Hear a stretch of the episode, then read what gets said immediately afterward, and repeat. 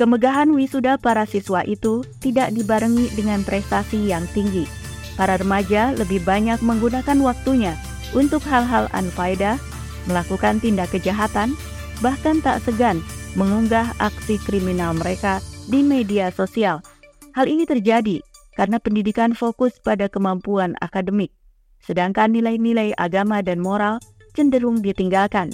Jikapun ada, sedikit sekali persentasenya. Assalamualaikum warahmatullahi wabarakatuh. Sahabat, Anda sedang mendengarkan akun podcast Narasi Pos Media bersama saya Maya Rohmah dalam rubrik opini yang berjudul Wisuda Glamor demi menjaga pamor. Artikel ini ditulis oleh Maria Zawawi.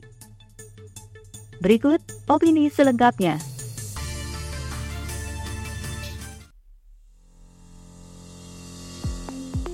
Sudah menjadi kebiasaan menjelang akhir tahun, sekolah-sekolah mengadakan acara pelepasan siswa.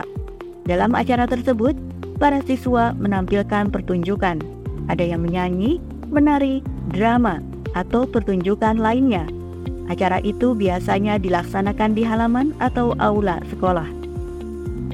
Namun, dalam beberapa tahun terakhir, acara pelepasan siswa dikemas dalam bentuk wisuda siswa-siswi SMA, SMP, SD, bahkan TK diwisuda layaknya para mahasiswa yang menjadi sarjana. Biaya yang harus dikeluarkan oleh para orang tua pun bertambah. Karena itu, sebagian dari mereka merasa keberatan. Keluhan mereka itu pun ramai diperbincangkan di media sosial. Gaya hidup hedonistik Wisuda yang dilaksanakan untuk merayakan kelulusan ini digelar dengan mewah. Tak sekadar dilaksanakan di aula sekolah, tetapi di hotel yang megah. Inilah yang kemudian menimbulkan masalah. Para orang tua merasa keberatan dengan biaya yang harus mereka keluarkan, mulai dari biaya sewa gedung, souvenir, sewa baju toga, biaya rias di salon, dan sebagainya. Seperti yang dikeluhkan oleh salah seorang ibu yang harus membayar sebesar Rp850.000 untuk biaya wisuda anaknya yang lulus dari PAUD. Padahal, ia juga harus mengeluarkan biaya untuk mendaftarkan anaknya ke jenjang sekolah yang lebih tinggi. Namun, ada juga orang tua yang merasa bangga dan bahagia menyaksikan anaknya di wisuda. Mereka juga tidak keberatan jika harus merogoh kocek yang dalam. Bagi mereka, hal itu merupakan sebuah kebanggaan. Pihak sekolah pun setali tiga uang. Mereka bangga dapat mengadakan acara wisuda bagi para siswanya, apalagi jika acara tersebut diselenggarakan di sebuah gedung atau hotel nan megah. Pamor sekolah pun naik karenanya. Inilah buah dari penerapan sistem kapitalisme saat ini. Gaya hidup hedonistik meracuni otak masyarakat. Mereka memandang indah segala sesuatu yang tampak megah. Sayangnya, kemegahan wisuda para siswa itu tidak dibarengi dengan prestasi yang tinggi.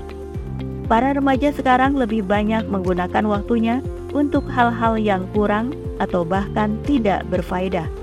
Mereka lebih suka menonton tayangan-tayangan yang tidak bermanfaat, berhura-hura, atau mabuk-mabukan.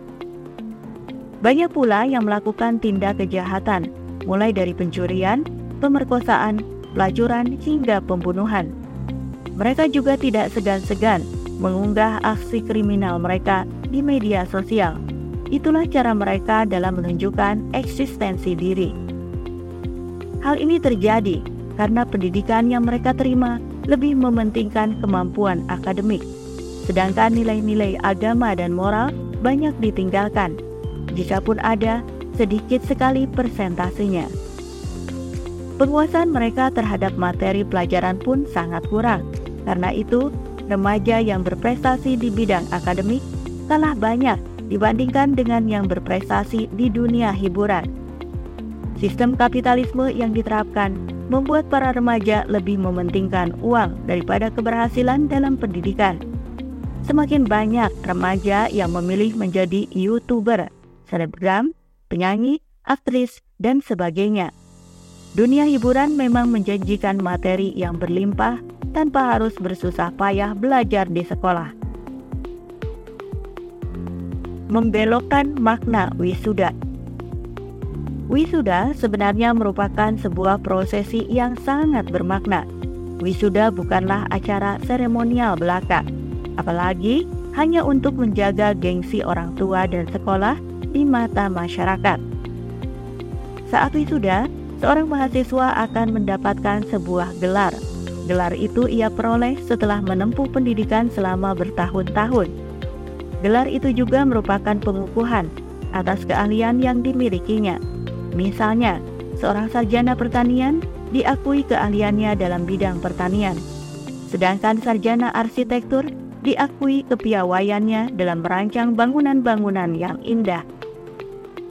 Sedangkan wisuda yang dilakukan saat anak-anak PAUD hingga SMP menyelesaikan pendidikan mereka bukanlah pengakuan terhadap keahlian mereka. Tidak ada gelar yang disematkan pada nama mereka, sebab mereka baru selesai menempuh pendidikan dasar dan menengah. Itu merupakan jenjang pendidikan yang diwajibkan bagi mereka.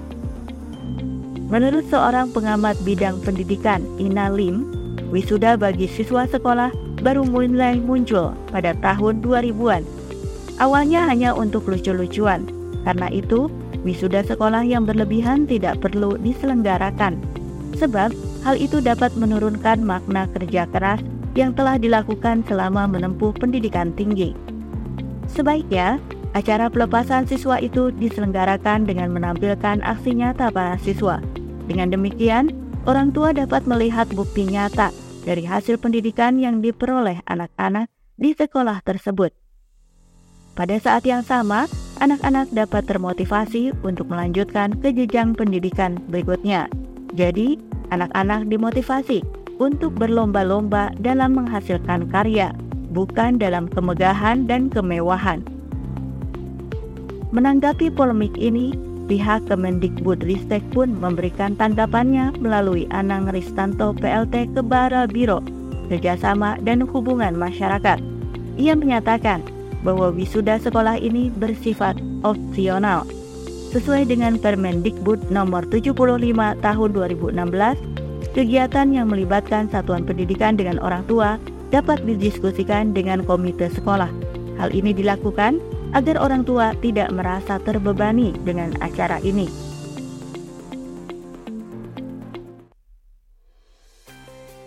Merayakan kelulusan siswa dalam Islam Islam merupakan agama yang sempurna. Di dalamnya telah terdapat berbagai petunjuk yang menuntun manusia dalam menjalani kehidupannya. Dengan petunjuk inilah, manusia akan mampu memenuhi kebutuhannya baik kebutuhan fisik maupun naluri. Dalam memenuhi kebutuhannya, setiap muslim harus senantiasa terikat dengan hukum syara. Ia harus mengetahui status hukum dari perbuatan yang hendak dilakukannya. Sebab, kaidah usul menyebutkan bahwa asal perbuatan itu terikat dengan hukum syara. Merayakan kelulusan sebagai bentuk syukur merupakan satu hal yang dibolehkan. Meskipun demikian, harus diperhatikan aktivitas yang dilakukan untuk menunjukkan rasa syukur tersebut. Apakah di dalamnya ada hal-hal yang dilarang oleh syara atau tidak? Misalnya, bercampur baur antara laki-laki dan perempuan yang bukan mahram, bertabaruj, meninggalkan sholat, dan sebagainya. Akan lebih baik jika rasa syukur itu diungkapkan dengan melakukan hal-hal yang positif. Misalnya, melakukan zikir bersama, membagikan sembako kepada masyarakat yang membutuhkan, dan aktivitas positif lainnya. Hal ini akan lebih bermanfaat bagi siswa. Harus diingat pula bahwa keberhasilan itu diperoleh bukan dari hasil usaha semata, namun itu merupakan rahmat dari Allah Subhanahu wa Ta'ala. Karena itu, tidak boleh ada rasa takjub, apalagi sombong dalam diri.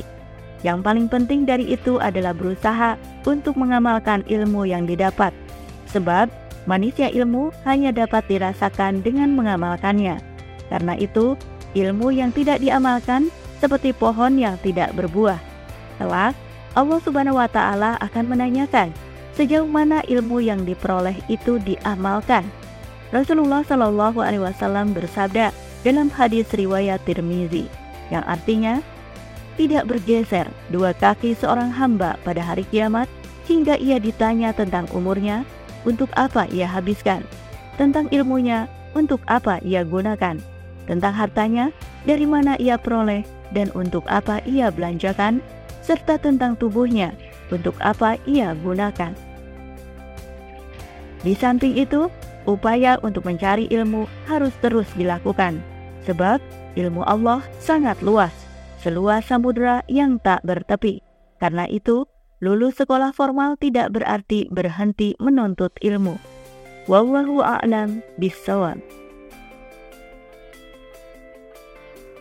Ya, sahabat, demikian rubrik opini kali ini. Saya Maya Rohmah undur diri. Assalamualaikum warahmatullahi wabarakatuh.